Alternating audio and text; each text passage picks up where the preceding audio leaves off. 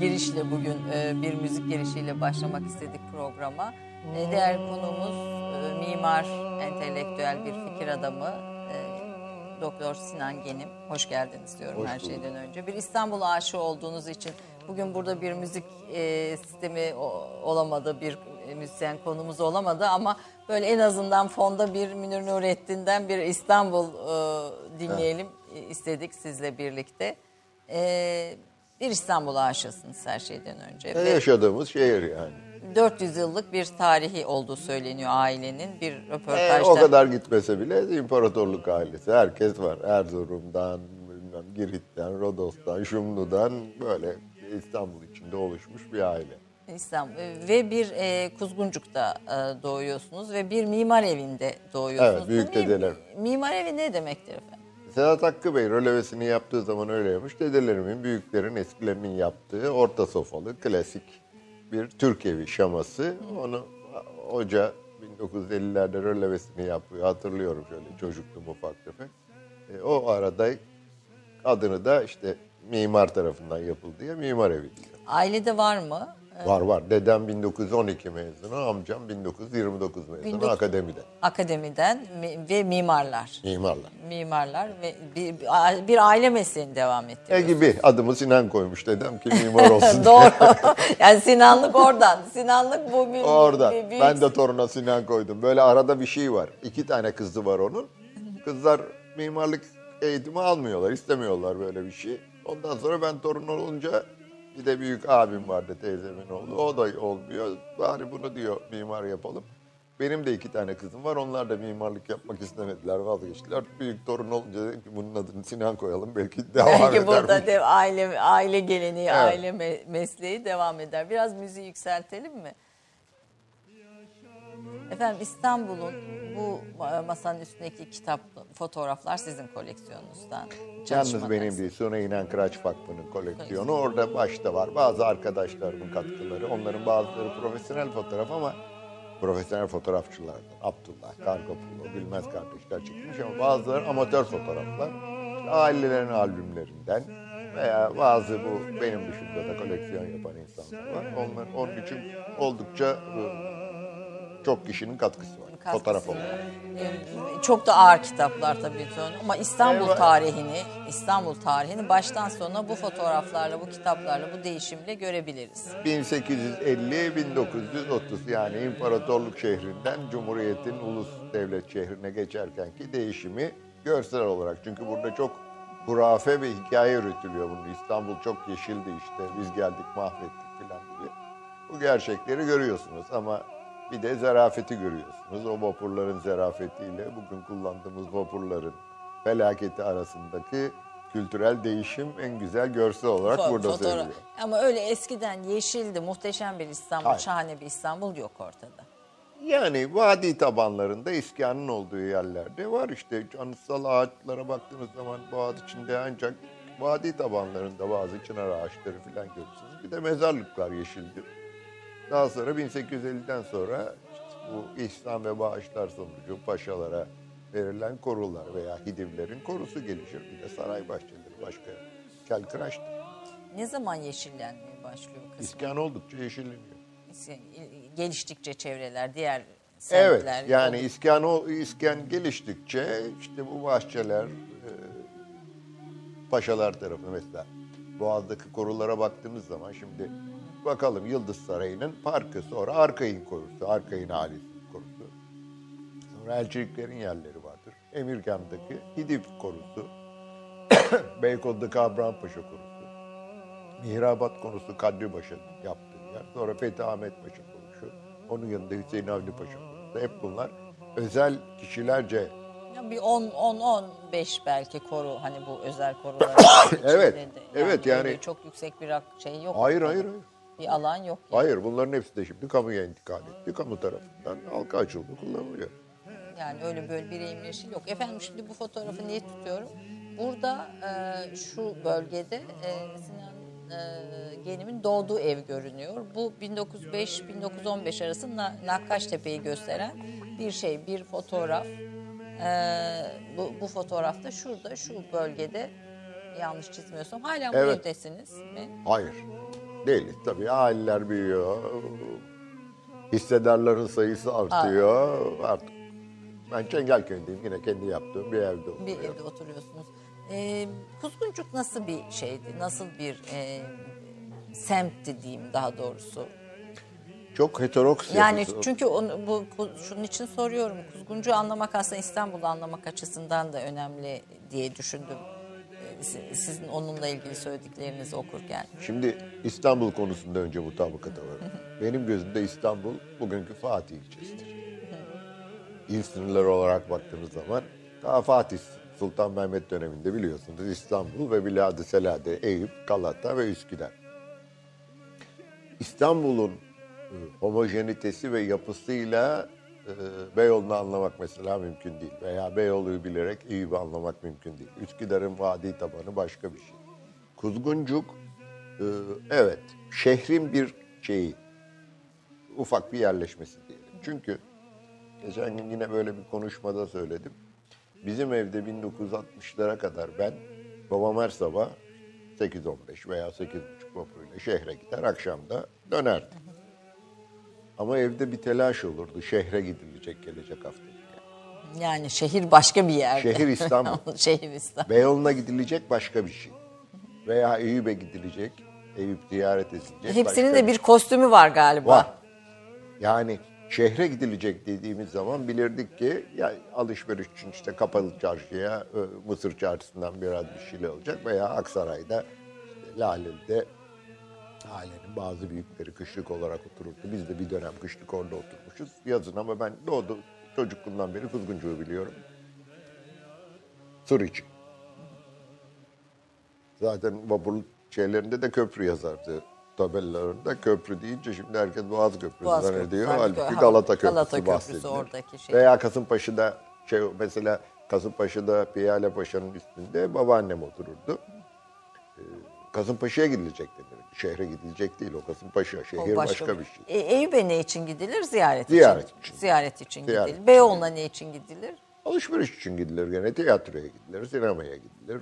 İşte bir modern alışveriş için gidilir veya Kim, kimlikleri var aslında semtlerin Tabii, her bir tabii, her tabii, aslında tabii. ama İstanbul say, sayılmıyor. İstanbul'un adı şehir. İstanbul'a gidilecek veya şehre gidilecek. Şimdi o yüzden Kuzguncuğu baktığınız zaman onun içinde çok ayrı bir vaha, heteroks bir yapısı var. Vadi tabanında genellikle Rumlar, Ermeniler, Hristiyanlar, Beyaz Ruslar bir dönem gelmişler, kalmışlar. Mesela ilkokulda benim sınıfımda iki tane Beyaz Rus vardı. Bir Bulgar asıllı öğrenci var, mahallebeci Bulgar'ın çocuğu var. Museviler var oldukça yoğun olarak. Bir sınıf arkadaşımız ilkokuldan sınıf arkadaşım daha sonra İsrail'de Tarım Bakanlığı yaptı bir dönem. Yani böyle bir yapının içinde e, özellikle Beylerbeyi tarafına bakan bu Baba Nakkaş Sokağı, Nakkaş Tepe denilen yer genellikle Müslüman yerleşmesi. Ki orada da köşedeki en büyük yapı da Marco Paşa'nın konağı, ilkokul olarak okuduğumuz yapı çok e, nazik ilişkileri olan, herkesin birbirine hürmet ettiği, Cuma günü Müslümanlar için mukaddes bir gün, Cumartesi Museviler için, Pazar Hristiyanlar için. Herkes pırıl pırıl o günlerde giyilir, sakal tıraşı falan yapılır. yapılır. Herkes birbirine gayet şeyli, Saygılı. saygılı. İşte onun Paskalyası bizim kandil günümüz, Ramazan, bayram. Herkes birbirine bu konuda yani kendi bayramıymış gibi davranan. Sınıfta hiç böyle ben ayrı gayrı yani onlar başka bir inançları var. Hiç böyle bir şeyi bilmem mesela. Ee, gerek haham, gerek Rum Kilisesi'nin, gerek Ermeni Kilisesi'nin papazı bizim en ufak bir yanlış hareketimizde müdahale eder. Düzeltici mahalle çocuğusunuz çünkü. Kendi yani kendi cemaatinin çocuğuna da bize de bir ayrım yapmaksızın mesela 3-5 sene öyle alışkan alışkanlığı var. Cumartesi günü e, ibadet ettikten sonra kahvaltı yapılır sinagoglarda. Davet ettiler beni yani. Benim yaş grubum değil. Zaten çok bir avuç adam kaldık. Hadi sen de gel kahvaltıya. Ben de sinagogun kapısından hızla dalırken üç tane polis üstüme saldırdı. Çünkü artık kontrolden geçerek giriyorsunuz. Benim hakkımda öyle bir şey yok. Derken içeriden koştular. O bizden bizden dediler. Adamlar polisin biri beni tanıyor. çıkarken nasıl abi bizden dedi bunlar. Ya oğlum kuzguncuklu dedi. Kuzguncu bizden bir Musevi olarak görmezler onlar beni. Kuzguncukluk kimliği onun üstünde. Erozyona uğrarız tabii 60'lardan sonra özellikle. Ee, şey bi- bi- biraz programdan önce de konuşurken e, babaanne anneannenizin, Anneannem. anneannenizin e, cenazesinden söz etmiştiniz bütün cenazeye. Bütün o ahalinin hepsinin geldiğini aslında Türkiye'deki değişimi görmek açısından da önemli. Tekrar önemli bir tespit. Evet. 28 sene içinde ne kadar değiştiğini görmemiz. Kaç, Anneannemin vefatı kaç yıldı? 1965 cami avlusunda herhalde cami avlusunu dolduran insanların yüzde sekseni Hristiyan veya Musevi. Cemaat, Müslüman cemaat namazını kıldı. Sonra cenaze namazını ta birazdan Hakkaştepe'nin üstündedir bizim aile mezarlığı. Oraya kadar gerek Ermeni, gerek Rum, gerek Musevi Hepsi insanlar geldi. kilisenin temsil bir orada bir hahamlar veya papazlar bir de cemaat temsilcileri. Hepsi oraya kadar geldiler ve bir hepsi elimizi tek tek sıkarak işte başı, hepimizin başı sağ olsun. 1988'de annem vefat etti. Yani 23 sene sonra. İmam cami avlusundaki namaza girmeyenler cami avlusunu terk etsin. Halbuki cami avlusunun o sırada yüzde 40, yüzde 50'si Musevi veya Hristiyan. Şimdi Kuzguncuk çok büyük bir geniş bir yer değil. Bir tane de camisi var o dönemde. Bir tane de yamaca yapıldı. Bir de işte Beylerbeyi'ne giderken Üryanizade Esad Efendi Camii vardı. O cemaat liderinin oradaki kimin ne olduğunu tanıması lazım. Evet. İmamın da o, İmamın o da ahalinin evet, kim cemaatin olduğunu lideridir orada lazım. pozisyonu itibariyle. Oradaki papazı, oradaki hahamı, oradaki cemaatin ileri gelenlerini bir şekilde tanıması lazım. Ve merhaba demesi lazım. Ki onlar da hem bizim hem onların cemaatinin çocuklarına da sahip olması gerekir. Evet. Bunu yapmayıp tabii büyük bir O zaman kopukluk oluyor, ayrışma başlıyor. onunla Zaten terk edildi yani bugün. Bir iki tane Musevi aile yaşıyor. Bir iki Ermeni aile belki. Onlar da kendi işlerinde Siz 6-7 Eylül olayları e, sırasında e, destekte oluyorsunuz onları, koruyorsunuz. E tabii yani bir arada yaşıyorsunuz. Sanki onlar birer ailenizin insanı her sabah görüyorsunuz. Ya bakkal dükkanı var hiç unutmam. Öf. Dejavu gibi bir şey oldu.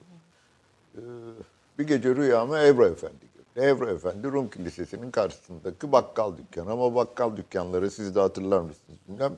Nalburundan Her şey her şey var. Ee, ve kitap da satardı. Ebru Efendi arada sırada işte ev için alışveriş ediyorum veya karamel alıyoruz çocuklar. Bana bana bir kitap olup verir. Al bunu oku sonra getirirsin derdi. Veya al bu kitap senin olsun derdi. Ve kitap alışma o, e, okuma alışkanlığımı pekiştiren bir insandır. İşte macera, bilim kurgu romanlar, resimli romanlar böyle. Bütün çocuklar ama yapıyor bunu. Ve bizim kuşağımızın hepsi okur. Ve çok okur. Bir gece rüyama Evro Efendi girdi yani bir 10 sene evvel. Allah Allah ne alakası var ha Evro Efendi ben 15 yaşından sonra vefat etmiş. Hiç hatırlamıyorum. Sonra biri geldi bana ertesi gün. Dedi ki ya ben Kuzguncuk'ta bir ev aldım. Şunun projesini yapar mısın dedi. Bir baktım Evro Efendi'nin evi Evet. altında Demek ki o rüya- o Dedim de- ki ben sana Malum bunu yaparım. Malum ben oldu. yaparım Evro dün gece rüyama girdi. Demek ki şu evi çökmesin hallet. Ben sana mutlaka bu işi hallederim dedim yaptım da. Şimdi ben Evro'nun Hristiyan olduğu hiç aklıma gelmedi. Evro e, adından hatırlıyorsunuz. Evet. Pırıl pırıl, tertemiz bir insan. Daima bütün çocuklara şey verirdi bana. Siz de kullanır mısınız bilmem. Biz de ilkokuldayken işte kırılıp kaybolmasın diye bazı aileler kurşun kalemi ortadan ikiye bölerler. Çocuklarına öyle verirlerdi. Bizimkiler de onlar öyle kalem kullanıyor. Sizin kalemlerinizi de yarıya bölün. Ayrım olmasın. Olmaz. Yani oraya güç gösterisi yapma diye. Onlar saplara takılır böyle kamış. Evro Efendi'den aldığım sapları hala ben saklarım. Onu, O başka bir dünyanın şeyiydi. Bugün öyle bir şey yok. öyle bir düşüncelilik de Düşünce yok. de. Öyle bir Evet. şey tutumluluk Evet. da yok. Bir Ee, de daha sonra muhasebecilerde görmüştüm. Beyaz önlük, beyaz gömlek giyer. Şuraya şuraya kadar da böyle buradan ve buradan lastikli siyah kirlenmesin gömlek diye kolluklar takardı. Daha sonra bir iki tane dairede görmüştüm ama şimdi Tabii şimdi Kaybol. yıkamak çok çok aşırı se- seri bir şey. Ben bunları konuşuyoruz çünkü kaybolan bir kültürü İstanbul'u konuşmak sadece böyle büyük başlıklar değil. Hayır. Yani bu detaylar kaybolan kültür, birlikte yaşama ve o binaların ruh veren insanların hayatları. O ruh veren insanların hayatlarının e, içinde de aslında çok da hikmetli şeyler var. Yine programdan önce konuşurken e, büyük annenizin e, etraftaki yoksullara e, bayram harçlığı ver, verirken iğne verdiğini anlattınız. Mesela çok ilginç geldi. Yani biz bizim nesil bile bunu tahayyül edemez. Yoksullara Hani biz- değil. Herkese. ekonomik gücü olan insanları da. Çünkü İğne yok çünkü Çünkü Türkiye'de. toplu iğne yok. Rahmetli Kamil Enişte, o Demokrat Parti Genel Sekreteri işte senede bir kere mi, iki senede bir kere mi yurt dışına gittiği zaman giderken söylerdi ne istiyorsun Neriman anneme. O da işte enişte bir kilo toplu iğne, 10 tane yorgan iğnesi, 20 tane şu dikiş iğnesi falan o onları alır. Annem de onlardan böyle bayramlarda grafon kağıdının içine birer tutam koyar. Bir yorgan iğnesi, bir şey e, dikiş iğnesi, bir küçük iğne falan. O bayramda işte el öpmeye veya işte ziyarete gelen insanların hepsine birer tane. Yok çünkü ya yani telle iğne kıymetli bir hediye. e, Yani üretilmiyor kıymetli bir- Türkiye'de iğne veya bulmak çok zor yani. Bir, bir, bir iki üretimi yapılsa da toplu iğne bulmak çok zordu. Ya bizim kuşağımız için de bunlar kıymetli şeyler. Basit ama kıymetli şeyler. Zaten demin söylediğinizde bir şey eklemek istiyorum. Herkes büyük iş başarmak, büyük iş yapmak istiyor. Çok zor. Enerjimiz yetmiyor, ekonomimiz yetmiyor, vaktimiz yetmiyor. Halbuki küçük küçük basit şeyleri halletsek herkes elinden gelen yapsa. birkaç kişi tek kişinin elinden gelmeyen basit meseleleri halletmeye veya çözümlemeye çalışsa zaten o büyük işler büyük oranda halledilmiş olacak. Daha doğrusu herkes sorumluluk alsa. Yani, Evet, yani bu- evet bu- yaşadığı şehre karşı, kendine karşı, gelecek kuşaklara karşı biraz sorumluluk hissetse ve bunlara elinden geldiği kadar, herkesin elinden her şey gelmeyebilir ama yani eskileri biliyorum, eskiler sokakta ki herkes evinin önünü süpürürdü. Şimdi böyle bir şey. Herkes bekliyor ki şimdi Birisi gelsin. biri gelsin ve bu temizliği yapsın diye. Yani bir günaydın demekten kaçınıyoruz. Herkesin suratı bir karış aç- aç- asık. Vapur iskelesinden gazete alırken eğer günaydın demezseniz gazete satıcısına hayrola bir şey mi oldu, bir sıkıntı mı var derdi adam. Yani herkes sorumlu çünkü. Yani bir sıkıntın varsa yapacağım bir şey Evet, varsa yapayım. evet. E şimdi diyorlar ki herkes kendine iyi bak. bana bana ihtiyacın olmasın. Doğru herkes kendine iyi bak. Kendine iyi bak. Şimdi onu da Amerika'dan. kısaltmışlar ki e, kendine iyi bakı KİP yapıyorlar. K-İ-B nokta yani o kadar. Ben Yani sinirleniyorum. Gençler bazı diyorum ki merak etme ben kendime iyi bakarım sana da ihtiyacın olmaz. Bu bizim dilimizde bu anlama gelir benim kuşağım için. Tabii, tabii. Kendine iyi bak ki bana ihtiyacın Olmasın. olmasın. Kimseye kimseye şey Evet. olma, mecbur olma yani. Ee, efendim bu şey ilk önce şu ki şu kırmızı kitaplar nedir? Buradan başlayalım. Çünkü siz aynı zamanda Türkiye'nin önemli İstanbul fotoğrafları koleksiyonerlerinden birisiniz. Var mı şeyiniz rakibiniz diyeyim? Var tabii canım bir sürü insan topluyor. Yani enstitünün benden çok daha fazla. Bende 5000 tane kadar var. 20-25 bin fotoğraf biriktiren, koleksiyon yapan Bahattin Öztürkcan ve Engin Özendes var. Bu konuda fotoğraf kitapları yazan insanlar var. Ben fotoğraf kitabı yazmadım. ben fotoğrafın içindeki yapıları değerlendiriyorum. Siz, sizin tabii mimari, Mimari olarak. yani. Mimari olarak bakışın. Bir de cam altı koleksiyonu yapıyorsunuz. Bir cam altı nedir? Cam altı camın arka yüzüne yapılan resimler. Ona zaman zaman işte yaldız koyuyorlar bazı boşluklarına. Bugün yine birkaç sanatçı bu işi yapıyor. O teknikte de olmasa. Bu Akdeniz Havzası'ndaki Kaç ülkelerde tane var onda? Aa, 150 tane kadar var. Bunların bayağı. büyük bir kısmı hat, bir kısmı gemi resimleri, Mesudiye, e, Yavuz, bir kısmı Bağdat Demiryolu ve Mekke e, Demiryolu için yapılmış. Çok hoş şeylerdir. Bir ara Yapı Kredi Bankası böyle bir sergi açmıştı. Bir diğer de haritalarınız var ve E, İstanbul için İstanbul için ve bir de resimler. Eşiniz de fotoğrafla. O eşim, karımın e, yağlı boya resim şeyi eşiniz var. bir var. ressam, Türkiye'nin Evet. önemli ressamlarından birisi Nurullah Nur- Berk'in Nurullah kız- Berk'in kızı. Gerek Nurullah Bey'in gerek o döneme ait.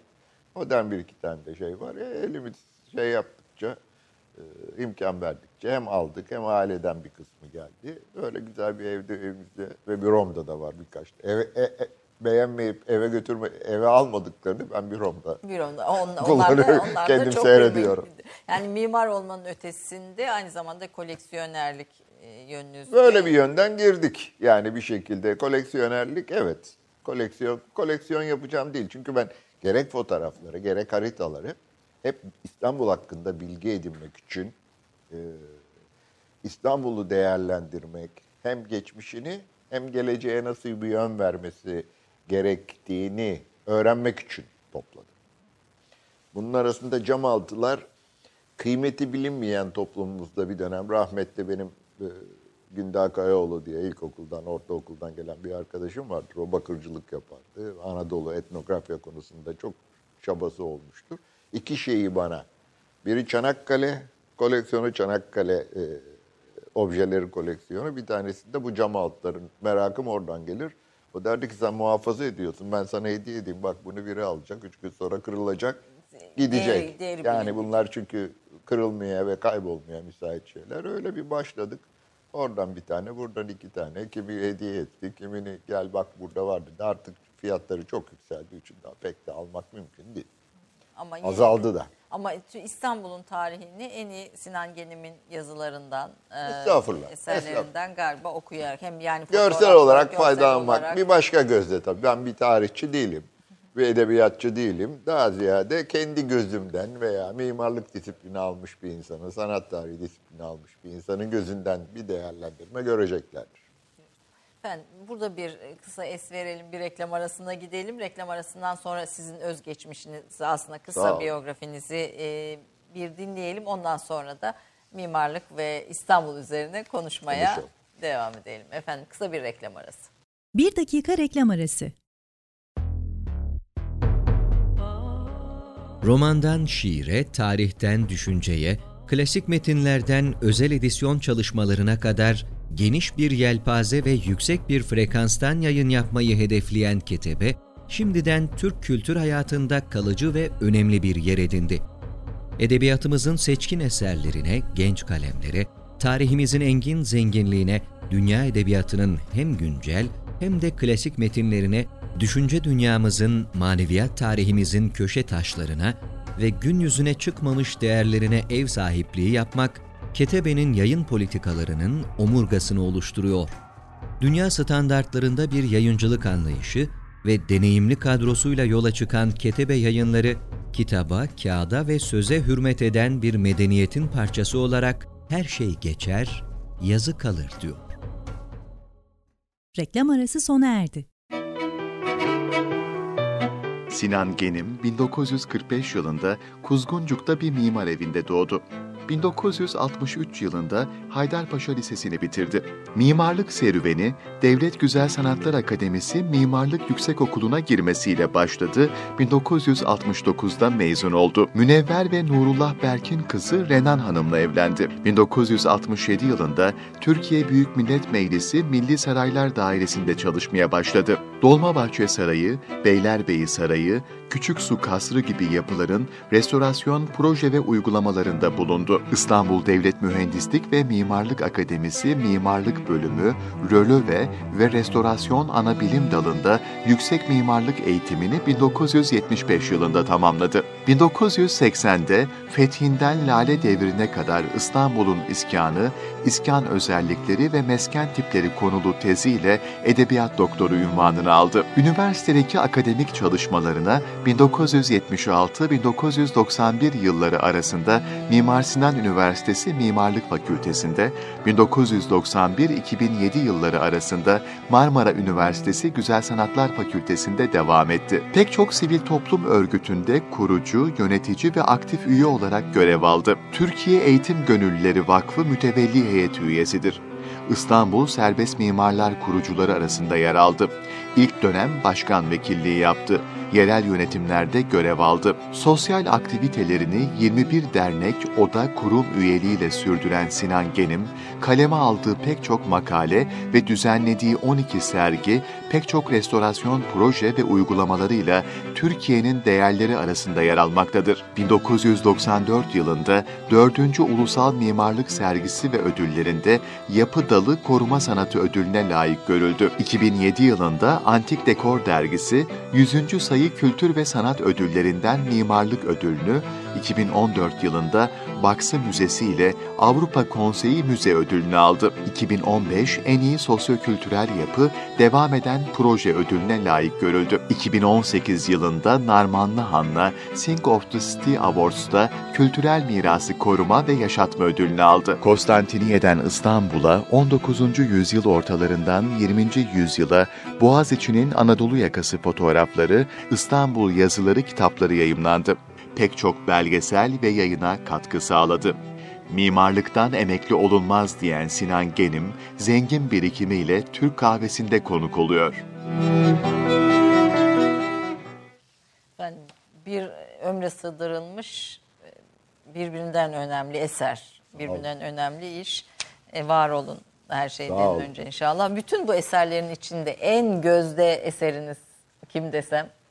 Göz ne ne desem pardon göz nurunuz. bu hepsi şey- göz nuru. Bunların hepsi bir göz nuru elbette. Göz nuru, el emeği, akıl şeyi ama çocukların arasında insanın şey yapması gibi, ayrım yapması gibi bir şey bu. Ama böyle Yani- önden geçerken veya işte bir rastladığınızda "Aa, bu bu muhteşem dediğiniz Yok Ayşe Hanım ben öyle çok büyük şeylere... mesela Pera Müzesi bir- İnsanları mutlu ediyorsa mutlu, onların mutluluklarına, günlük yaşamlarına biraz renklendiriyorsa beni de mutlu ediyor. Yani yaşarken bu işin değerlendirmesini ben ne büyük insanım bakın neler yaptım demek filan bana hiç hoş gelen şey E, değil. Bu, bu arada sizin eserleriniz arasında İstanbul Araştırmaları Enstitüsü Beyoğlu'nda dikkatimi çekti ve Meşrutiyet Caddesi'nde, Pera Müzesi'nin arasında 100 metre Pera Müzesi'nde. ve gidip bak göreceğim Lütfen. de ha, gözümüz bir İstanbul'da yaşayan birisi olarak gözümüzden kaçmış gerçekten. Evet, her katında onun Osmanlı öncesi, Osmanlı, Cumhuriyet dönemi diye her katında özel spesifik kitaplıklar var. Güzel bir şeyi var. Size geldiğiniz zaman yıllıkları yayınlanıyor. Hoş makaleler var İstanbul için. Ee, ufak sergiler açılıyor. Ee, İstanbul'la ilgili. Bu İstanbul'un bu tür şeyler, e, müzelerin yarı sıra bir şehrin entelektüel ve kültürel gelecek kültürünün belirlenmesi için bu tür enstitülerin sivil toplum kuruluşları tarafından Araştırmayı, araştırmayı destekleyen, finansiden demin sizinle biraz burada açık açık, biraz da e, içerideki sohbetimiz sırasında konuştuğumuz, konuşulmayan ama varlığını bildiğimiz ama kimsenin konuşmak istemediği veya konuşmadığı, e, resmi tarih içinde yer almayacak ama gelecekte gerçek olarak bilinmesi gerekli Kişisel öyküler. kişisel öyküler, sözlü tarih çalışmalarını sivil toplum salt yapıyor işte. Şimdi Anemet var kurdukları e, Koç Üniversitesi'nin. Var böyle bir hafif kıpırdama ama bunun daha çoğalması ve bilinmeyen bazı şeyleri öğrenmemiz, bazı suçlamalara da cevap vermemiz gerekiyor. gerekiyor. Bu bunun içine tabii dünya kadar da suçlama Evet, e, ge- bunu resmi ağızdan yaparsanız bir kıymeti yok ama sivil toplum kuruluşları bu işi daha iyi yapar. İstanbul Araştırmaları Enstitüsü'nün gerçekten görmemiz gereken Tavsiye bir yer ederim. olarak anlıyor. Süren Evi Manisa'da bir şey. İstanbul'da, Beylerbeyi. Beylerbeyi Manisa, Am, pardon kusura bakmayın ben buradan Manisa diye okuyorum. Ee, Süren Evi e, Beylerbeyi özelliği ne? arkasında. Çok hoştu o. Ee, Çok hoş bir şey. Ee, Aile olarak da gerek Atça gerek Faruk Süren e, ne dedikse e, müşterek bir şekilde sonuçlanmasına yol açtılar. Bugün sattılar bu ev onların olmaktan çıktı şimdi ama yani gerçekte eskilerin bu İslami Antalay e, Kültür Bakanı iken geldi. Bu betonermedir. Betonermeye dönüştürülmüş, yapılmıştır. Ya yapmadın hakikaten bu ahşap değil. Yani malzeme kullanımı da Türkiye'de böyle bir yobazlığa gidiyor. Malzeme kullanımı betonermeyi kullanamayan adam gibi çağdaş şekilde işte Baksı'da gördüğümüz Antalya'daki bazı yapıları. Ahşabı da kullanamaz. Taşı da, tuğlayı da. Bu malzeme bir araçtır yani. Hep onu söylüyorum. Eğer siz yazmayı bilmiyorsanız dolma kalemle de, kurşun kalemle de, tükenmez kalemle de yazamazsınız. Evet. Yazınız iyi ise her kalemle yazdığınız yazı iyi bir hem yazarsınız hem iyi bir yazı çıkar. Malzeme de bir araçtır. Şimdi onlar gündeme geldi çok fazla. Sıkıntı doğuyor o yüzden örnektir. Örnek yani bir- iyi bir Bir, bir otom Bursa'da bir otomotiv fabrikası var şimdi hani isim reklam olmasının anlamında söylemek istemem ama Karsan Otomotiv Fabrikası Evet, hani evet, yani evet. bir özel ama mimarisi çok özel ve camları ve yapısı itibariyle Evet, biraz önce şeffaf, söylediğiniz Türkiye'deki cam teknolojisinin ilerlemesine katkı koymuş bir yapıdır. ilk defa siz mi o kadar büyük blok Evet. e, iki buçuğa iki buçuk yuvarlak camları üç tanesini üst üste koyarak yapamazsınız dedi o sırada Fransızlar. Ortaktılar bu yapıya ve şey ama İstanbul'daki bir firma, cam firması büyük bir enerjiyle yaptı. 20 senedir de o camlar cam taşıyıcılarla duruyor. Yani Deprem oluyor, şey oluyor. Türk ben ben Türk insanının gayet kabiliyetli, çalışkan, kendisine değer verilirse ve kıymeti bilirse, biraz da teşvik ederse her işi yapacağına ve başaracağına inanırım. Bu coğrafyada her zaman insanlar gayet kabiliyetlidir. Varlıklarını sürdürebilir.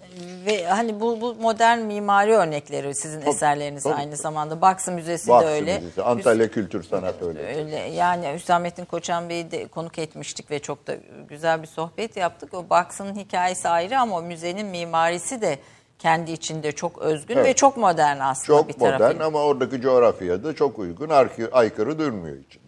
İçinde birleş. Yani demek ki aslında yeniyle eskiyi diyeceğim, gelenekten gelenle yeniyi birleştirmek çok da e, zor değil. Bu bu örnekleri de bunun E, için ver- zor. Belirli bir bilgi birikimine sahip olmanız ve bu işi çok deneysel olarak yapmış olmalı. Mimarın bütün yaptığı bir yapı yapmaktır. Proje çizmek değil. Şimdi çok yaygınlaştı bu iş. Proje çizen insan. Hayır, proje eğer bir yapıya dönüşmüyorsa kıymeti yok. Bu şuna benziyor. Siz çeşitli notlar alıyorsunuz. Notlar duruyor. bir yazıya Bir dönüşmüyor. yazıya bir kitaba dönüşmedikten sonra o notların kime ne faydası var? Çöp. Çöp. Duvara resim diye asamazsınız. Bir karalama değil, değer ihtiva etsin. Sizin için değerlendirilir şeydir. Bunlar yapıya dönüşmeli ve bunun için de birinin finanse etmesi gerekir. Evet. Eğer sizin düşüncelerinizi bir finanse etmiyorsa bir yapıya dönüşmesi mümkün değil. Burada bir imkan mutlaka gerekiyor. Evet. İstanbul'da yeteri kadar müze yok diyorsunuz Evet. ki aslında 2000'den bu yana baktığımızda müze sayılarında artış var. Var. Müze ziyaretçilerinde artış var. Yani 8 binlerden günlük 28 bin liraya çıkan rakamlar var. Evet, Büyük evet. bir hareketlenme var. Fakat yine de İstanbul'da müze sayısı az diyorsunuz. Neden? İstanbul gibi özellikle hem yerli hem yabancı insanlar için cazibe merkezi olan ki var olduğu müddetçe de cazibe merkezi olmaya İstanbul devam edecektir. Ne kadar kötü kullanırsak, ne kadar kötü müdahaleler edersek edelim o varlığını sürdürecektir. Binlerce yıldır böyledir. Biz ne yaparsak yapalım. Biz ne yaparsak yapalım o varlığını sürdürüyor. Yani e, bu Agop Minstari var. Bir Ermeni Anadolu'dan işte bunların anaları, e, babaları, amcaları falan Beşiktaş'ta fırıncılık yapıyor. 1890'lar işte yüzyılın başı hoş anıları var. O da çocukken geliyorlar buraya. İşte hem okutuyorlar onu. Önce Göttingen sonra Robert Kolej'de filan. Bir taraftan da fırında boş vakitlerinde ekmekler Ekmek dağıtıyor. Arada sırada haşeratlık Yap- yaptığı zaman amcası veya babası kulağından çekiyor. Diyor ki burası İstanbul, burada adam olacaksın. Çok güzel bir hikaye. Yani burası insana adam yapıyor. Evet. Adam ediyor. Şimdi o yüzden hani bir kaoslar dönemleri oluyor. Ben hep düşürürüm. Bu 6. 7. kere başına gelmiş. Şimdi böyle bir şeyleri biraz uzaklaştık gibi geliyor. Herkes daha fazla bireysel yaşıyor. Biraz toplumsal e, katkı buna ne kadar koyabilir? Müzeler benim gözümde eğitim mekanlarıdır. İnsan kendi kendine eğitir orada. Tarihine ayak izler. Bir insanı üniversiteden mezun olduktan sonra eğer akademisyen falan olmak istiyorsa işte biraz yüksek lisans doktora eğitimi için çalışabilir ama onun dışında pek fazla okuyan dünyada da bu böyle yani artık bu sosyal medya bu kadar büyüyünce. Ama burada bir eğitim görürsünüz. Bizim müzelerimiz bu eğitime uygun düzenlenmiş müzeler değiller. Eğitici değiller. Eğitici değiller. Bir kere yapılıyor, ikinci defa yapılışına kadar herkes aynı yerde. Burada çalışan arkadaşlarımız müthiş heyecanlı insanlar var içinde ama zaman onları da törpülüyor. Biraz memur bakışının etkisi olabilir mi? E, Geliyor çünkü neden? Çok sık söylüyorum bu işi. İnanılmaz ülkemizde her konuda müthiş bir müfettiş terörü var. Ve bu müfettiş terörü niye yaptın diye soran bir terör. Bu niye her yapmadın? önemli işte Evet. de karşımıza çıkıyor. Evet. Niye yapmadın diye soran yok. O yüzden bir şey yapmadığınız zaman başınıza herhangi bir şey gelmiyor. Kimse sizi soruşturmuyor. Kimse size tahkikat açmıyor. E bugün o zaman bir terfi konusu geldiği zaman bakıyorlar ki ötekinde 10 tane müfettiş soruşturması geçirmiş. Kiminde kıdemilerle var. Kim- Benim başıma gelen böyle bir şey mesela. Bizim kurul başkanlığı yaptığım dönemde bizimle beraber çalışan işte bir müdür var, raporter arkadaşlar var. Kültür Bakanlığı bize bir suçlama yöneltti. 40 dosya hakkında soruşturma açtı. Hiçbirinden bir netice alamadığı için savcılığa bile gönderemedi. Ama o çocuklara ceza verdi. Kıdem indirdi şunu bildi. Ya sen bu suçlamayı yalnız müfettişin yaptığı bazı neticeler yani müfettişin şeyi. E bunun savcısı var, adalete intikal etmemiş mesele var. Şimdi o insanları bir daha motive edebilir misiniz? Tekrar tekrar ve Evet. bu, bu da Hiçbir şey yapmasa hiçbir şey olmayacak. müzelerin daha yaşayan yapılar olmasına da engelliyor. Belki burada müzeleri daha sivil e, Çocukları, çocukları küçük yaşta bu alışkanlıkları temin etmek, küçük yaşta bir çocuğa kitap okuma alışkanlığını temin edebilirseniz, verebilirseniz, ömrü billah bir daha bir şey okur. Kendi de seçer yolunu bulur. Bu da öyle bir şey. Bu da öyle bir şey. Bir eğitim, bir, e, bu bir esin evi.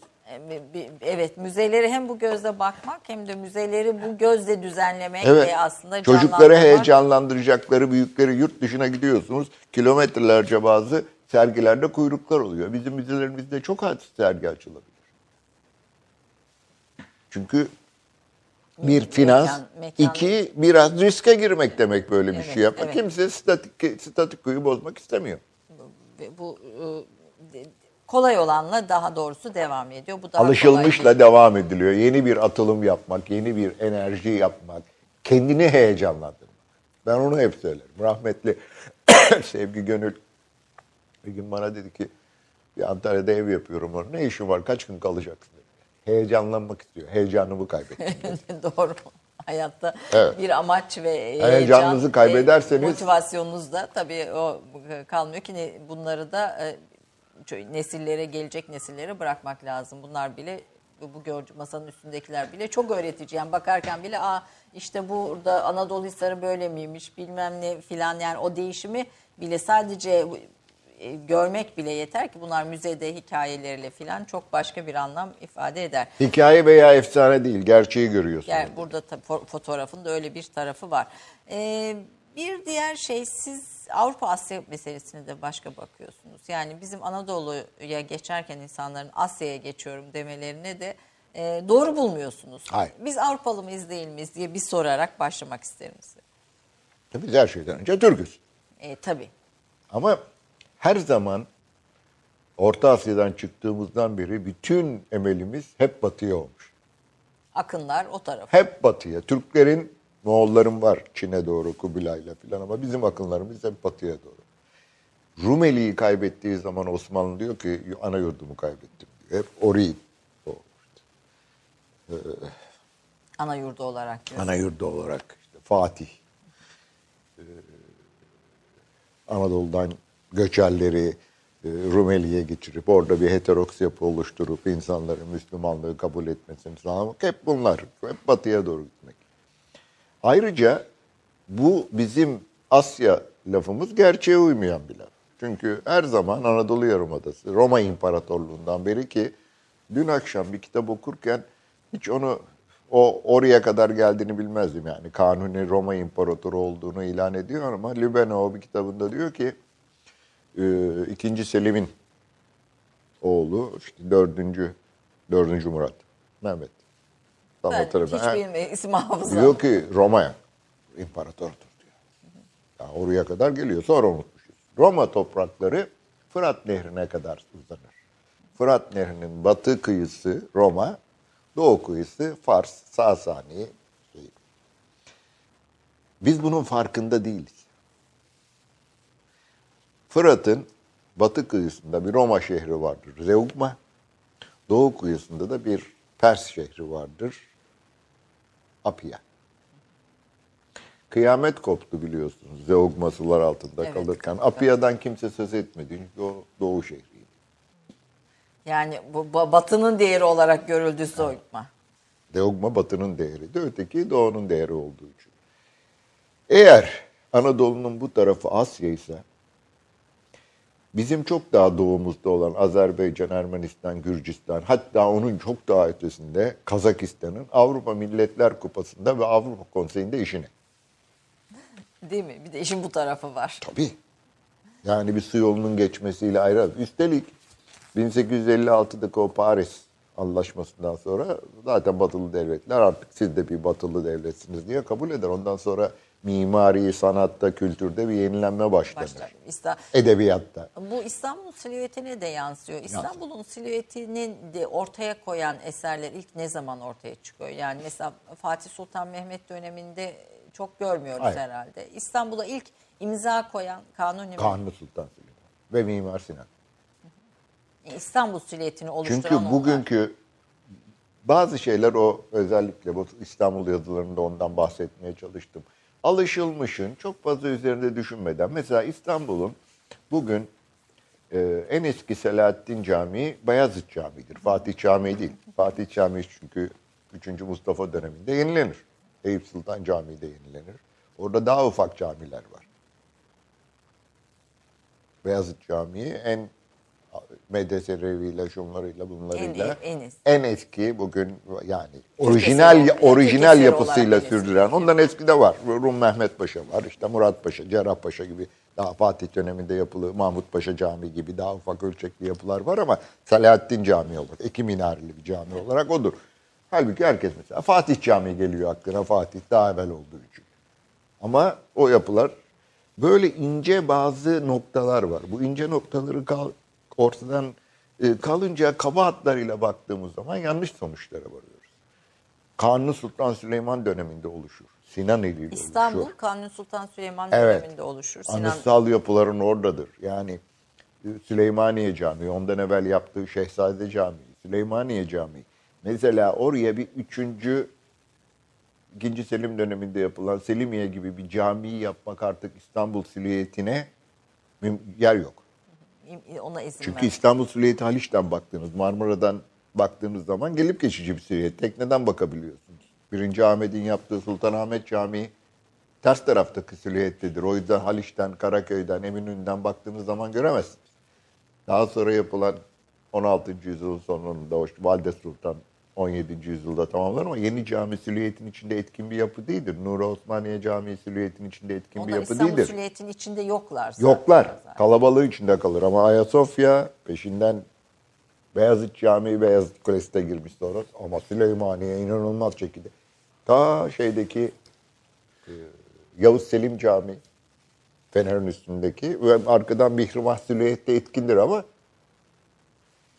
o yüzden Edirne'de belki Selimiye Camii'ni Belki, evet, yapar. belki niye, niye yani? Başka bir şehri taşlandırıyor. Niye? Tabii. Yani bu, burada çünkü ona yer bulmuyor.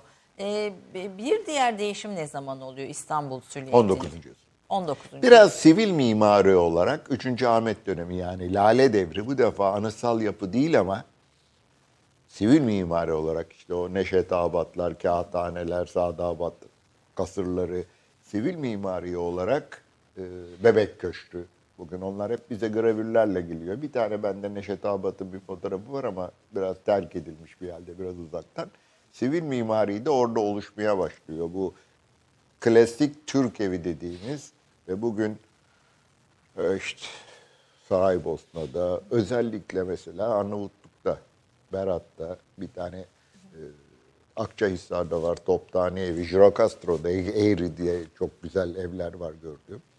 Ve İstanbul'dan başlayarak işte Bahçesaray'daki, Kırım'daki yapılar, Anadolu'da çeşitli yerlerde, Datça'da Mehmet Ali Ağa konağı vardır. Geçen gün bir- Örnekleri bir- var o dönemin. yayılıyor. İçinde İstanbul resimleri olan böyle biraz ekonomik bir genişleme de var herhalde. Boğaz'daki yalılar tabii. Sadullah Paşa yalısı, Amcazade Hüseyin Paşa yalısı. Hep o dönemin sivil mi? Sonra bin, 2. Mahmut'la başlayan bir şey var. Biraz askeri bir yenilenme var. 3. Selim'le başlayan. Selimiye kışlası, Taksim kışlası, Levent kışlası, Rami, Davut Paşa. Sonra tekrar arasal yapı olarak 2. Mahmut'la başlayan şey var. Nusretiye Camii Tophane'deki. Yeni bir anlayış. Daha uzun minareler. Çünkü Biraz ba- batıdan etkilenmiş. Yalnız batıdan etkilendi değil. Minareleri daha önce klasik dönem proporsiyonda yapıyorlar. Ama mahyiye asınca kubbeden dolayı şehirden gözükmüyor. Gör- görünsün diye onu Bu defa minareleri yıkıyorlar, biraz daha uzatıyorlar. Tabii. Mahyiye asınca İstanbul'dan gözüküyor tabii karşıda. Hiç kimsenin aklına gelmiyor başka. tam ma- Mahya'yı orada esas, esas alıyor. Tabii. Tabii yani o Dolmabaşı Camii mesela Narin'dir. Ortaköy Camii. Böyle Ba- bir şey. ba- Balyan e, efendinin Balyan ailesi ama Balyan ailesi genellikle bu işin müteahhitleri. Biraz tabii mimariye katkı koyuyorlardır ama daha farklı insanlar da var bunların içinde. Bina eminleri var o Balyan ailesi diye. Ne zaman e, ab- ab- bir sempozyum vesilesiyle bir yazınızı okudum. Abdülmecit döneminin aslında mimar yani Türkiye'de mimarlığa bir şey yap, bir değişim dönemi olarak algılanması gerektiğini söylüyorsunuz. Hem e, mimarlar odasının hassa, mimarlar hassa odasının kalkması mesela bu da e, Hassa yani Mimarlar Ocağı'nın Yeniçeriliğin ilgasıyla beraber kalkması. dumura uğruyor Şimdi yani. o- bu, bu aslında o geleneksel mimarlık dönemi bitiyor. Yeni ve batılı tip bir mimarlık e, bakışı mı geliyor diyebilir miyiz? E, biraz, Sanki biraz öyle Batı'da anladım. eğitim alıyorlar özellikle Balyan ailesinin çocukları. Şimdi siz de çok iyi bilirsiniz. Ee, İbni Haldun'un bir sözü var. Diyor ki bir şeyin rağbet bulması ve değer kazanması için öncelikle devletin talip olması gerekir. Devleti yönetenlerin ta- Çünkü en büyük ekonomik güç onlardadır. Onların beğeni ve piyasadaki beğeniyi oluşturması Çıtayı hiç- onlar koyuyor. Hiçbir üst, üst kişi, çıtayı hiçbir onlar şey, koyuyor. özel de onu takip eder diyor. Devletin öyle bir anlayışı gelişiyor. Bu tür bir yapıya, e, daha farklı bir yapıya, eskilere benzemeyen, hayat da değişiyor tabii. Dolmabahçe Sarayı mesela, Topkapı Sarayı'na hiç benzemez. Yine kendi içinde planlama olarak geniş sofalar, o avluları hatırlatır ama bir kompakt, daha kompakt. Beylerbeyi Sarayı öyle. Beylerbeyi İkinci Mahmud'un Ahşap Beylerbeyi Sarayı da öyle. Daha böyle Moltke anlatıyor çünkü bir miktar. Böyle bir şeye devlet talip olunca özel sektörde onu takip ediyor. Oradan gelen akımlar, oradan gelen anlayışlar e, içerideki yerli insanlar tarafından da kabul ediliyor ve böyle bir beğeni çıkıyor. Hele Abdülhamit'ten sonra özellikle bu 1870'te büyük bir yangın oluyor Abdülaziz döneminde Beyoğlu bölgesinde. Bu defa talep çıkıyor ortaya İtalya'dan, Fransa'dan mimarlar geliyor. Bunların bir kısmı da müteahhit aynı zamanda. O, bu İstanbul Araştırmaları Enstitüsü'nün yapan insan odur mesela e, şeydir. Semprini diye bir müteahhit İtalyan. O, o bölgede inanılmaz sayıda binası Beyoğlu. var. Üstünde de adlarını yazmış hepsinin. Bayağı Beyoğlu. bir bir şey gravürleri, resimler filan da şey İçinde resimler heykeller filan, filan, heykeller, da cephelerinde heykeller. Çünkü İtalya'da çok var onlar. İtalya'da, İspanya'da. E bizimkiler de bu eğitim sonucu madem böyle bir şey var, talep var. Ona cevap verelim diye kendilerini yenileştiriyorlar. Akademide öyle dersler verilmeye başlıyor. başlıyor ve aslında be- benim anladığım sizinle sohbetten yani Kanuni İstanbul'a ilk silüet imzası Kanuni'nin ama sonra 3. Ahmet, 3. Selim ve Abdülmecit, Abdülmecit. Mecit e, ve, ve Abdülhamit diye, Abdülhamit de diye devam ediyor. devam ediyor. E, Cumhuriyet sonrasına geldiğimizde başka bir şehir tabii silüeti bu, bunun üzerine biniyor. Ee, onu hep şöyle düşünüyorum ben. Bakın 1453'te fethediliyor şehir. Oluşumu 1540'lar, 50'ler. Sinan'ın baş mimarlığından sonra büyük oranda. Ondan evvel münferit yapılar. Yani bir 100, 100 senelik bir ara var. Aynı şeyi Konstantin 330'da bazı yapılar düzenleyerek Roma'yı buraya taşıyor ama İkinci Teodosius 150 sene sonra işte Bozdoğan kemerleri, yanısal yapılar, surlar yetmiyor, açıyorlar filan. Şehir o zaman oluyor. Hemen bazı şeylerin değişmesiyle şehirde de bunu görmeniz mümkün değil. Çünkü zaten e, Zaman büyük bir nüf- nüfus eskiyi anımsayarak yaşıyor. Yenileşmeler ortaya çıkıyor. 1900 bence 70'ler 80'ler hatta 90'lardır İstanbul'un cumhuriyetin veya ulus devletin şehri olarak değişmeye başlaması.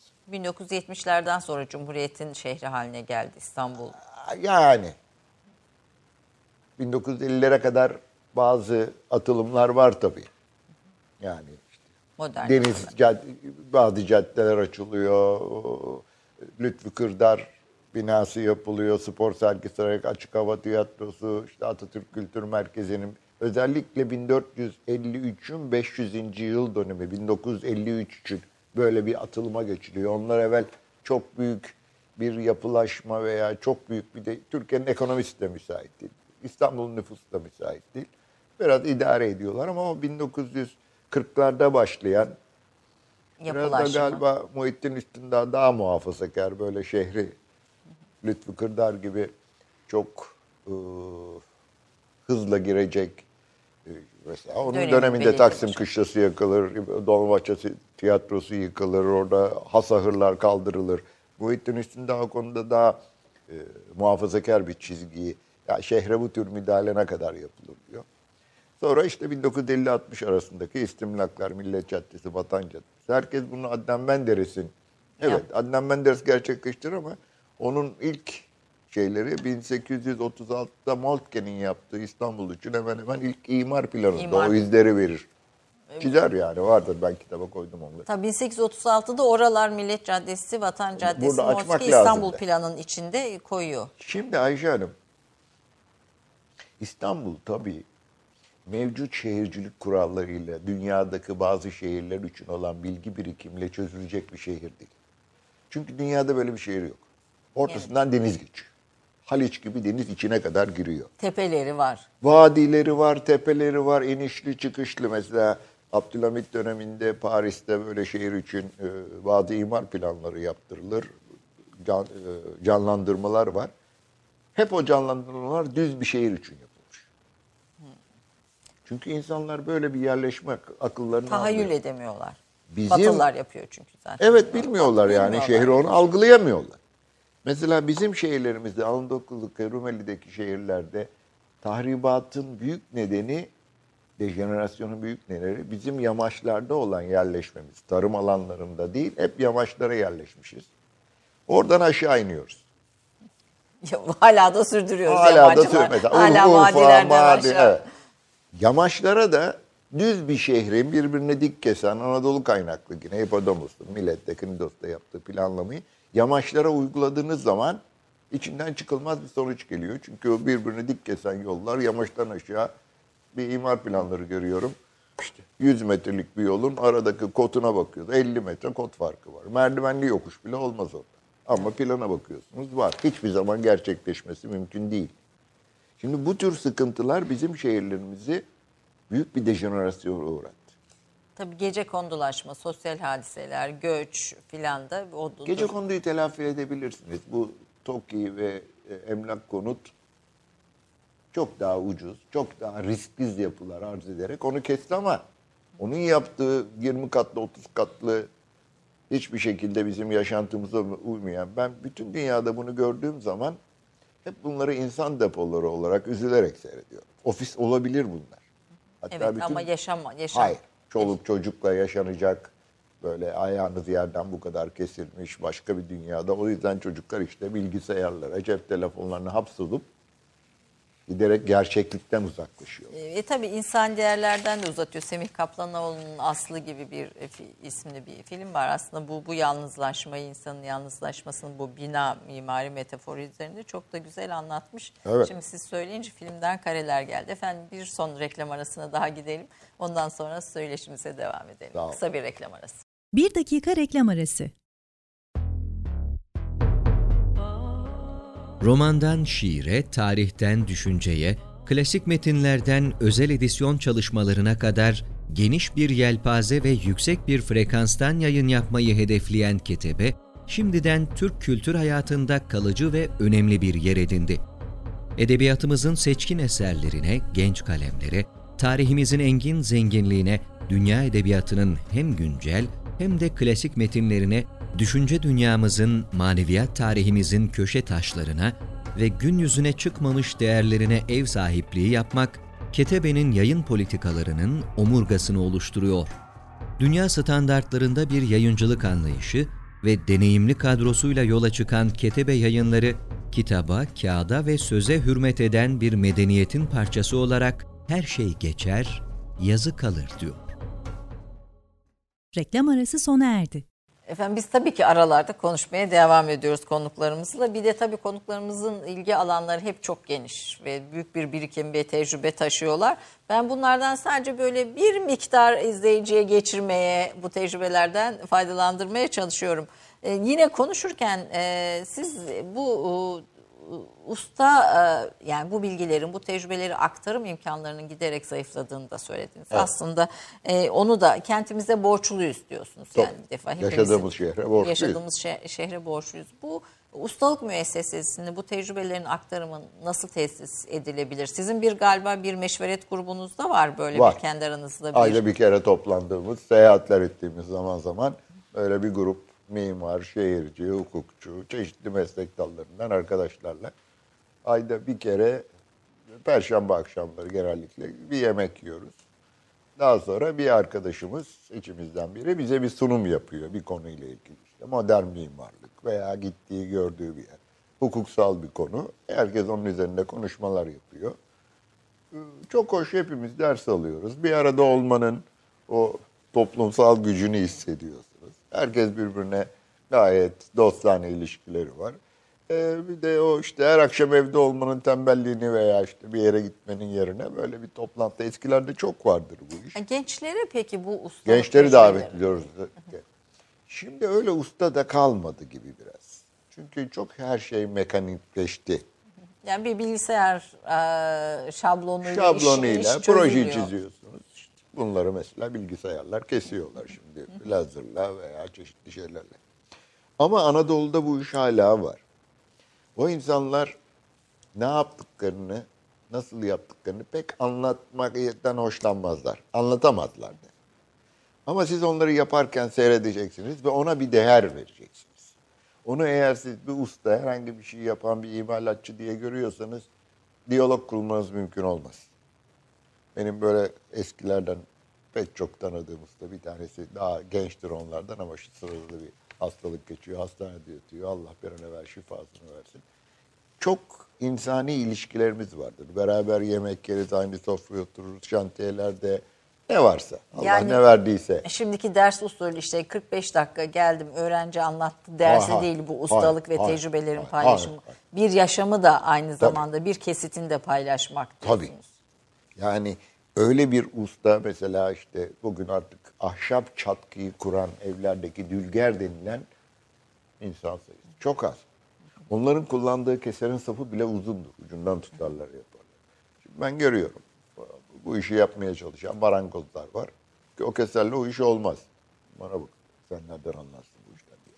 Doğru. O keseri benim elime verse onun kullandığı gibi kullanamam. Bilemem ama Bilemem olmayacağını. ama ortaya çıkardığı işin sonucunu ben daha o işe başlarken görürüm. O da işte bir zaman içindeki bu insanlarla bir arada olmakta şantiye, imalatı dolaşmamakta.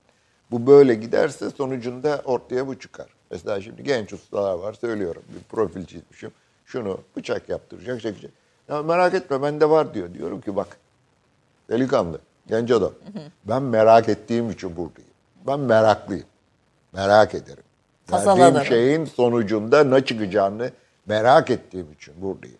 Bunca senedir bu işi yapıyorum. Bana merak etme falan deme. Ne diyorsam onu yap. Eğer yanlış bir şey söylüyorsam de ki şundan şundan yapılamaz. Yoksa ben merak, bak, merak etme ben bildiğimi yaparım diyorsun bana hayır. Şimdi tabii sizin bunu söylemeniz için finanse eden insanın da sizin arkanızda durması. Durması Ya gerekiyor. Ki ben çok suçlanırım. Çok perfeksiyonistin. Ee, diyorum ki peki ben bu- kadar perfeksiyonist olmasam sen bana niye geliyorsun bu yapıyı yaptırmak için? Herhangi birine. Tabii eleştiriler de alıyorsunuz. Mesela Narmanlı Han, e, Beyoğlu'ndaki Narmanlı Han e, gözde bir eseri, eserimiz de hepimizin de böyle keyifle gittiği bir yer. Fakat yaparken çok eleştirildiniz. Beyoğlu'nu yıkan insan olarak tanımlandınız filan. Bu nedir bu insanların reaksiyonu bu meselelerde? Anlamam mümkün değil. Bunun altında ama bir şey var. Biraz Kanal İstanbul'da da bu çok fazla. İşte bu yapıyı yapacak, buradan rant elde edecekler. E rant elde edilmeyen bir mimarlık faaliyeti yoktur. Yani bir şeyler yaparsınız işte. Gece kondu bile bir rant Meselesi. sonucunda ortaya çıkar. Benim anlayışıma göre rantın ortaya çıkması bir toplumun gelişmesi için şarttır.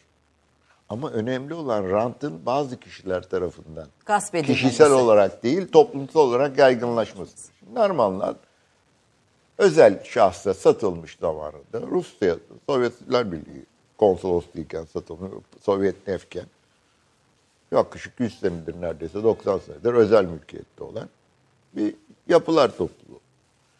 Viran, evet orada bir Resimleri zaman var ki yani. bir- fotoğrafları var canım fotoğrafları içine. var. 20 Virane içine son girecek. 20 senedir girilmiyordu içine. Ama o içine girilemeyecek durumdayken bile Beyoğlu'nu yıkıyor diye manşet yaptılar sizinle ilgili. Şimdi onu da kabul etmem mümkün değil. Gençler büroma kadar geldiler. Üstelik benim bürom değil altta bir mimarlık bürosu daha var. Bir de soyadını Genin yazmışlar. Yani bir şeye karşılar ama kime karşılar, niçin karşılar farkında değiller. Karşı olmak için karşılar. Ben Beyoğlu'nda Galatasaray sırasıyla bakarsak Karaköy'de bugün kullanılıyor. Mezberilikti, girilmezdi. Aynı şekilde Fransız geçidini yaptım 96'larda yani üstünden 24-25 sene geçmiş. Daha sonra Pera Müzesi'ni yaptım. İstanbul Araştırmaları'nı istedim. Galatasaray, Galatasaray Kültür Sanat Merkezi'nde. Bunların fotoğrafları varsa arkadaşlarımız göstersin bu arada. Okçular Tekkesi'ni yaptım. Çok güzel de bir slogan çıkardı oradaki insanlar. Çünkü etraf gece kondu olduğu için çok fazla uyuşturucu vardı. Şimdi onun sloganı diyor ki ot çekme, ok çek. Ot çekme, ok çek güzel Evet. Orası- Okçular Tekkesi'nin de güzel gerçekten ve bulunduğu bölge açısından da bir Etrafa çeki düzen Çeki verdi. düzen vermiş. Şimdi böyle şeyler yaptıktan sonra ben kalkıp bütün bunları riske edip de daha iyi bir şey yapmak değil, daha kötü bir şey yapmayı düşünemem bile. Buna ya işim gücüm var zaten yeteri kadar. Mimarlıktan vakit bulursam kitap yazacak zamana ihtiyacım var. Çocuklarımla, torunlarımla geçirecek zamana ihtiyacım var. Anlatamadım ama. Şimdi onun içi müthiş canlı. Geçen gün biri diyor ki işte ben buradayken çektim anneme gönderdim. Annem bana ne zaman Roma'ya gittin diye soruyor dedi. Bu hoş bir şeydir. Ben onu biraz canlansın diye renk kullanmayı severim. Karsan'da falan da var görüyorsunuz. O Evet. Süren evinde de var. Süren evinde tu- turuncu herhalde. Evet, hakim. öyle. Turun, tam turuncu değil. O rengi yapmak için çok uğraştım. Bunu İstanbul daha böyle canlı bir renge boyadım. bordo, evet. Herkes pasta gibi yaptım. Ben dedim ki ya ne güzel. Pasta iç, iç, iç açıcı bir şeydir. Herkes, çoluk çocuk herkes pastaya özlem duyar. Niye insanların içini karartan, böyle mezberilik bir yapıyı Ay, muhafaza eski edelim? deyince sanki bir eski tarihi e, restorasyon, aslında bizim restorasyon anlayışımızla ilgili bir sıkıntı sanırım bu. Evet. Restorasyon demek her şeyi olduğu gibi korumak demekti ki her şeyi olduğu gibi ama yok böyle bir şey. Dünyada da yok. Yani özellikle e, Amsterdam'daki limanın ağzına e, Zaha Hadid'in yaptığı bir korunması gerekli bir yapının üstüne koyduğu bir balık gibi bir şey var. İnanılmaz bir şey. Herkes yeni şeyler arıyor. Berlin aynı şekilde kendini yeniliyor. Orada Boston'un üstüne yaptığı dört katlı başka bir bina var. Bence şu, Kanal İstanbul meselesinde birkaç kişiyle konuşurken de bunu. İşin içinde ben yoksam o iş kötüdür. Ben yapamıyorsam O iş kötüdür. o iş kötüdür. Vay bana niye danışmadılar, bir- benim niye fikrimi almadılar, o zaman o iş kötüdür diye bir ahlaki kaygı Erozyon, içindeyiz, evet. erozyon içindeyiz. Elbet bana sana bu konuşurken geçen gün söyledim biri diyor ki bana sormadılar. E dedim ben de 50 senelik mimarım. Bana da sormadılar. Ama bu bu işi kötü Evet. yapmaz. Yanlış yapılması farklı bir şey. Onu söyle. Şu şu şu yanlıştır. Şurası doğrudur. Külliyen yaparım. Külliyen yaptırmam meselesi bazı sıkışıklıklar. Sizin bu Burada arada- da karşı çıkan o. O Onarmanlı Hanı siz Evet. restore ederken yıkılmış bir yeri, virane bir Evet. yeri bugün 20 işte Roma kimsenin kullanmadığı. bir, bir yeri bir değer haline getirirken Evet. insanların mesut, mutlu olacağı ama insanların bir öyle bir ruhi bozukluk içinde insanlarımız var. Başkalarının mutlu olmasından rahatsız oluyor. evet. hayatın şenlenmesinden. Hayat öyle bir şey. Şey söyler bunu meşhur bir Lübnanlı e, bir şey var. Bir tane da aklıma gelmiyor. Diyor ki komşum geçmişte e, hayatın işte kötülüğünden, şunundan, buyundan, rahatsızlığından bahsediyordu. Dün mezarını ziyaret ettim. Üstünde bahar çiçekleri açmış. Gene şenli. Yani öldükten sonra da şenlenebilir her şey. Hoştur yani niye hiç hepimiz karamsal bakalım hayata? evet doğru. Ama bu Kanal İstanbul'la ilgili fikrinizi de dinlemek isterim yeri gelmişken. Vallahi ben bir mimarım ne söyleyebilirim? Bu teknolojik proje arkasında büyük bir ekonomisi var. Ben diyorum ki bunun arkasında inanılmaz sayıda.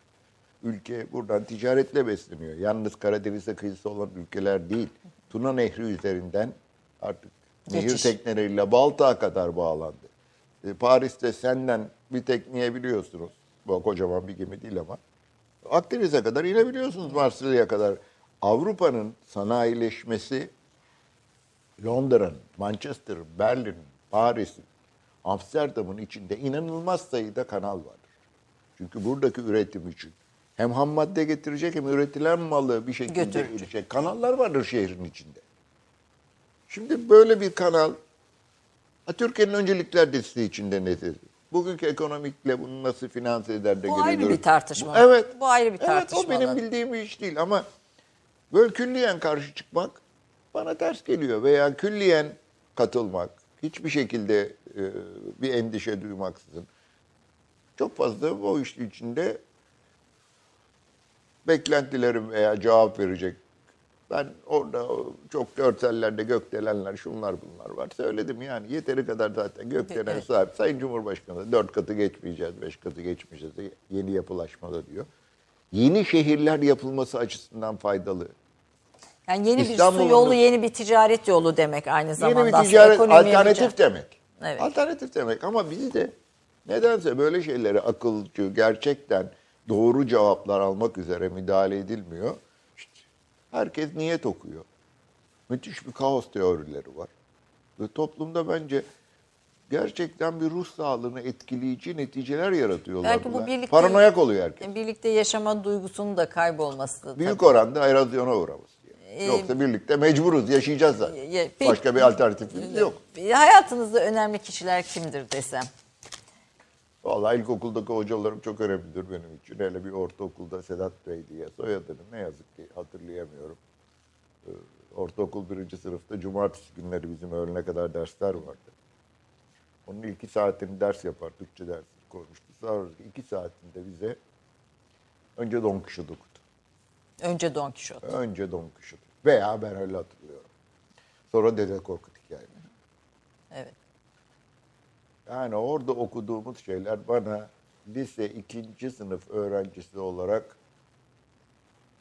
grup arkadaşlar Kuzgucuk'la Erasmus'un Deliliğe Ebediyesini okumamıza yol açmış. Ne kadar anladık? Ama yine de yani Erasmus'un deliliği Erasmus, metiyesini okumaya neden Evet, olduysa evet. yani Hala bir okurum, okuma okurum. zevki, Evet. bir okuma yolu Evet. vermiş. Yani Bacon okumayı, Descartes okumayı, Montesquieu okumayı o ortaokul birinci sınıfında başlayan o tabi arada da bize anlatıyor bazı şeyleri. Ee, o mükemmeldir. Sonra lisede çok iyi hocalarım oldu. Lise ikinci sınıfta sınıfta kaldım matematik dersinden. Çünkü çok kötü bir hocamız vardı. Tabii hoca hoca bir yerde Sonra ertesi sene ve ertesi sene üçüncü sınıfta sınıfın birincisi oldum matematikten. Demek Çünkü o- çok hoca- iyi bir hocam vardı. Hatta üniversitede e, yüksek matematik derslerinden sınıftaki en yüksek not uyurdum da o yüksek matematik derslerinde içim geçiyordu.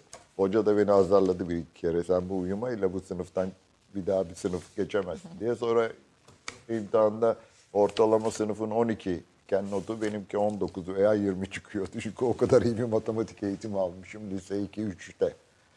Şimdi bu hocaları unutmam mümkün değil. Ama sonra hayatta önce Behçet Ünsal'la rahmetli mimarlık tarihi hocasıdır tanıştım. Sonra Sedat Hakkı Bey'le bir arada çalıştım. Sedat Hakkı Çalışma- Eldem. Eldem'le beraber çalışmaya başladık. bu Sonra Ek- Ekrem Hakkı Ayverdi vesaire onlarla bir bir arada olduk. Zaman zaman sohbetlerine katıldım. Çünkü o sırada Topkapı Sarayı Müdürü Hayrullah Örs Bey'di. Daha sonra Kemalçı yerine. Hayrullah Bey orada böyle onun bir daima bir sohbet, Halkası meşveret vardı. meclisi vardı. Orada dost olduğum aramızda büyük yaş farkına rağmen Orhan Şahit Gökyay vardır. Kendisinden çok şey Evet. öğrendim. Ee, Ekrem Hakkı Bey işte şey e, Süheyl Ünver. Bey oraya ziyarete gelirdi. Çok hoş sohbetleri olurdu onların. Yani inanılmaz daldan dala atlayan e, bu bir ara e, nesli tükenmiş insanlar diye bakıyorum. Onlar allameydi. Her konuda bir bilgileri vardı. Bir de zarafetleri vardı sanırsam. Hiç fark edilmeden sizin hatanızı bir şekilde düşünmenizi ve hata yapıyorum ben burada demenizi ama söze karışmanızı tevşik et. Siz ne düşünüyorsunuz efendim diye genç arkadaşlar vardı ve veya benimle aynı yaşlarda üniversitedeydiniz. Ben siz de gelin. Onlar seni kabul etti. Bize etmiyorlar. Bize sonra oğlum çay söylesene diyorlar. Biz Demek orada da bir, bir derecelendirme vardı. Çünkü neden Ayşe Hanım? Bazı şeyler isterler. Mesela Behçet Ünsal Bey bana 70'lerin ilk, o 71-72 bu Elbistan Ulu Camii için şema olarak Şehzade Camii'ne benzer. Ya dedi ki hemen hemen bunlar aynı tarihlerde veya o 20 sene sonradır. Nasıl olabilir? E, kitaplara baktım. Ben 1972 yazında zannederim Elbistan'a gittim. Bugünkü şartlarla çok zor. Tabii. Otobüsler, minibüsler kalacak yerinde Evet. çok zaman e, bazı köylerde ve kasabalarda işte camide yatarız, mescitte. Yatsı namazından sonra adam üstümüze kapıyı kilitler, seccadeler falan çalınıyor diye. Sabah namazına gelir kapıyı açar. Bugünkü imkanlar yok. Evet. E, gittim baktım. İki tane tromp gelmiş. Sanki bir yarım kubbe gibi intibanı veriyor planlamada ama da değil. Daha ilkel bir tarz. Sizi böyle bir şeye teşvik ediyor. Ona git bak demiyor. Ama öyle bir Bu şey nasıl olur diyor. sö- söylüyor. Bir vaktiniz olursa efendim bir görsek bunu yerinde diyor. Bir Diyor. vaktimiz olursa, Olursa efendim, efendim. bunu bir bu demektir ki Git git gör değil. Git gör değil ama gayet zarafetli. Ee, peki anneniz, eşiniz, onlar babanız, sizin hayatınızdaki yerleri nedir? Ben tabii biraz kadınlardan yana bir ta- tarafım var biliyorsunuz her zaman için. Mesela eşinizin sizin için açtığı kapılar. her hayat- zaman bir kere yani tüm bunlar için ayırdığınız zamana tahammül eden bir eşim o 50 yıllık biz 69'da evlendik işte 50'yi tamamladık diyoruz. Müthiş bir şeydir yani size tahammül ediyor bir kere biz böyle çalışan veya bizim gibi insanlar biraz kaprisli olur biliyorsunuz yani. Evet. Yalnız kendi hayatından da sağlığından, saatinden her şeyden önce gelir o işler. Öyle mi? Yani sizin önceliğiniz onun için her şeyden önce geldi. Bu mimarlık yapmak veya bunlar bende yani ne bileyim göz kırpmak gibi işte bir şey yemek gibi bir şey o öncelikler size, size de tahammül eden bir insan var yani. Tahammül edilir bir insan değilsiniz. Zaman zaman bir yere takılırsınız, sinirlenirsiniz. Veya kızlar bana her zaman kızlarım söylemiştir mesela. Anla, baba bizi dinlemiyorsun demişimdir. Çünkü Kafada şey başka bir şey var. yani çok zor bir şeydir. O yüzden medyunu şükranım yani bugüne kadar hem çocuklarıma. E, annem babam da bana tahammül etmiş bir insandır. Bir kere ben böyle meraklı olduğumdan küçükken pek çok şeyi merakımdan açıp boğulmuş insanımdır. Onlar hiç Hiç kulaklarınızda kalan bir öğüt var mıdır annenizden, babanızdan veya büyükannenizden? kendine yapılması, yapılmasını istemediğim bir şeyi başkasına yapma. Bu bir aile mirası olarak zihnimde diyorsunuz, kulağımda yer ediyor. Hiçbir zaman yalnız değilizdir. Bizim inancımıza göre Allah her yerde hazır nazırdır. Yaptığımızı görür. Bir, iki, bir desen dört kişisiniz ona göre bak. Katibin melekleri de kalp durum. Çocuklarınıza bıraktığınız Ha, bir aynı miras. şey. Torunlarıma, çocuklarıma aynı şey. Kendine yapılmasını istemediğini başkasına yap. Kimseyle inancı ve siyaseti konusunda tartışma. Herkesin inancı ve siyaseten görüşü farklı olur. Tartışma. Evet. Genellikle böyle panik ortamlarında veya bu tür hareketlerde böyle bir hareketlenme olur. Biraz sakin olup neticelenmesine ve zaman içindeki gelişimine bak. İçinde yaşadığımız zaman tarihi okursanız pek çok kolay. İçinde yaşadığınız zamanki bazı hareketlenmelerin veya bazı kaosların birileri tarafından kurgulandığını ve çok sıkıntı hem topluma hem o ülkeye çok sıkıntı yarattıklarını görmüşüzdür. Bunu biraz daha Sükunetle. Sükunetle Karaca karşılık. olan var. Kim var? Evet. Kimler varıymış biz burada yokken diyor ya. Okan, evet, Orhan Şahik Hoca. Evet, tabii. Yani binlerce senedir bu kültür burada devam ettiğine göre devam edecek insanlığı var olduğu sürece. Buna ne kadar katkı, kültürel olarak katkı koyabilirsek. Siyaseten, siyaseten katkılar unutulur. Evet. Bugün Roma o akşamları zaman zaman okurum. Marcus Aurelius'un Yıldızların altında. Bir imparator o da. Ama şimdi bir sürü imparator var. Neron'u bilmem nesiyle anıyoruz. Bir sürüsünü de hatırlamıyor kimse ancak tarihçiler belki. Ama Marcus Aurelius yazdıklarıyla ve insani böyle bir yürekten bir sözleriyle 2000 senedir varlığını muhafaza ediyor. Peki bunun haricinde programımızın sonuna geldik son cümleler ama bunun haricinde başucu kitabınız var mıdır böyle? Çok. Bir tane de değil. 10 tane 20 taneyi beraber iki üç okurum. tanesini bir de çünkü okuyucular, izleyicilerimiz açısından da çok e, kitap soran ve bizim konuklarımızdan kitap isteyen de oluyor. Ben de o yüzden her konumda mutlaka bir kitap tavsiyesi almak istiyorum. Francis Bacon'ın denemelerini. Başucu Peki. kitabı. Roman okur musunuz? Okurum. Mesela Amin Maluf çok okuduğum romanlardan biridir. Son zaman biraz madem demin söz ettik Alev Atlı'nın Fesubhanallah'la Hafızan Ha, Allah. Hafızan Allah, Biraz tabii çok yoğun yani karşılaştırmalı okuması gerekli bir kitap. evet. Son Emin Maluf'un demin adını hatırlayamadım işte bu Lübnan'ın veyahut da bu dünyadaki yeni gelişmeyle kültürlerin bir arada yaşama şeyinin Azalması. azalması veya yok olmaya yok olmaya gidiş ki öbür taraftan da dünyadaki hemen her ülke daha kozmopolitleşiyor geçmişe nazaran. Sözde ama tam tersi bir daralmada yaşanıyor. Aslında Kültürel olarak daralma yaşıyor, nüfus olarak bu Genişleme. sıkıntılar yaratacak. Çünkü herkes bir şekilde kendini ifade etmeli. Evet. Toplumun en alt kesimde. Çok çeşitli kitap yani önüme gelir alırım daha ziyade tabii mimarlıkla ilgili, İstanbul'la ilgili kitapları Mimar adaylarına okuyorum. peki, benim kızım da mim- mimar adayı değil, mimar oldu artık daha doğrusu yeni mesleğinin başında ama onlar da başta olmak üzere genç mimarlara da tavsiyenizi alarak bugünkü Türk kahvesini bitireyim efendim. bilgi birikimi sağlayacaklar, etraflarıyla ilgilenecekler, deneylerini ve araştırıcılıklarını geliştirecekler. Genç yaşlardayken çok fazla bir şey yapmaya çalışmasınlar. Çünkü o 90 yıl yaşamasaydı, 100 yıl yaşamasaydı Sinan'ın bu yapıları 40'ından sonra bu işe başlıyor. Bir kere gençliğinden dolayı böyle bir finansmanı ona verecek bir ekonomi ne yapacağını çok iyi görmeli. Ufak ufak şeyler yaparlarsa ve onlarla deney kazanır ve ortaya ürün koyarlarsa e, çok daha başarılı Yani birden olacaklar. koşmaya başlamasınlar diyorsunuz. Önce E, küçük bir yere adımlar. koşmaya başlamasınlar demek istemiyorum. 100 metre koşsunlar, 200 metre ama antrenman ve çok uzun bir şey geçmeden maratona katılırlarsa yarıda Şimdi e, Alev Hoca Alatlı da ben 40'ından sonra yazmaya başladım. Çünkü 40'ından önce yazı olmaz e, der. der. E, ben de 50'sinden sonra yapmaya başladım. Siz de hayır siz, mimarlık için de siz aynısı Evet, şeyi evet, koyuyorsunuz. evet, öyle 40'ından gördüğümüz öyle yani. Hepsi öyle. Mimarlık için de aynı yaş sınırını koyuyorsunuz. Efendim Sinan Genim'in İstanbul yazıları aslında bu sohbette konuştuğumuz konuların daha derin başlıklarını içeriyor. Ee, Çok güzel bir sitesi var. O sitede bütün bu e, başlıklar çok önemli konular yani yazı dünyasına ait, kültür dünyasına ait e, gerçekten faydalı birçok yazıda kaleme almış ve çok titiz bir yazar. Bu arada yazarlığının da mimarlığı gibi son derece ince, titiz. E, bir, birlikte böyle çok fazla kaynaktan beslenen e, bir e, tarzı olduğunu da söylemek isterim. Efendim çok teşekkür Ben ediyorum. teşekkür Vakit ederim. ayırdınız. Sağ olun. E, tecrübelerinizden faydalandık ve sizi dinleme imkanı bulduk. E, Türk kahvemizi de içtiniz. Teşekkür ederim. Teşekkür, İçtik. Sağ.